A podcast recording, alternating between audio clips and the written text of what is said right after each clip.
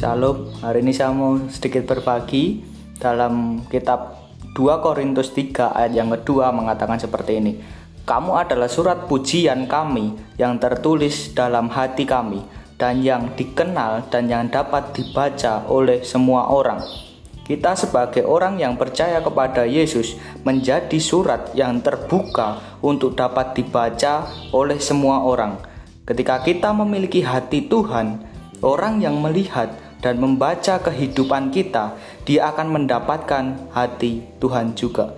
Terima kasih, Tuhan Yesus memberkati.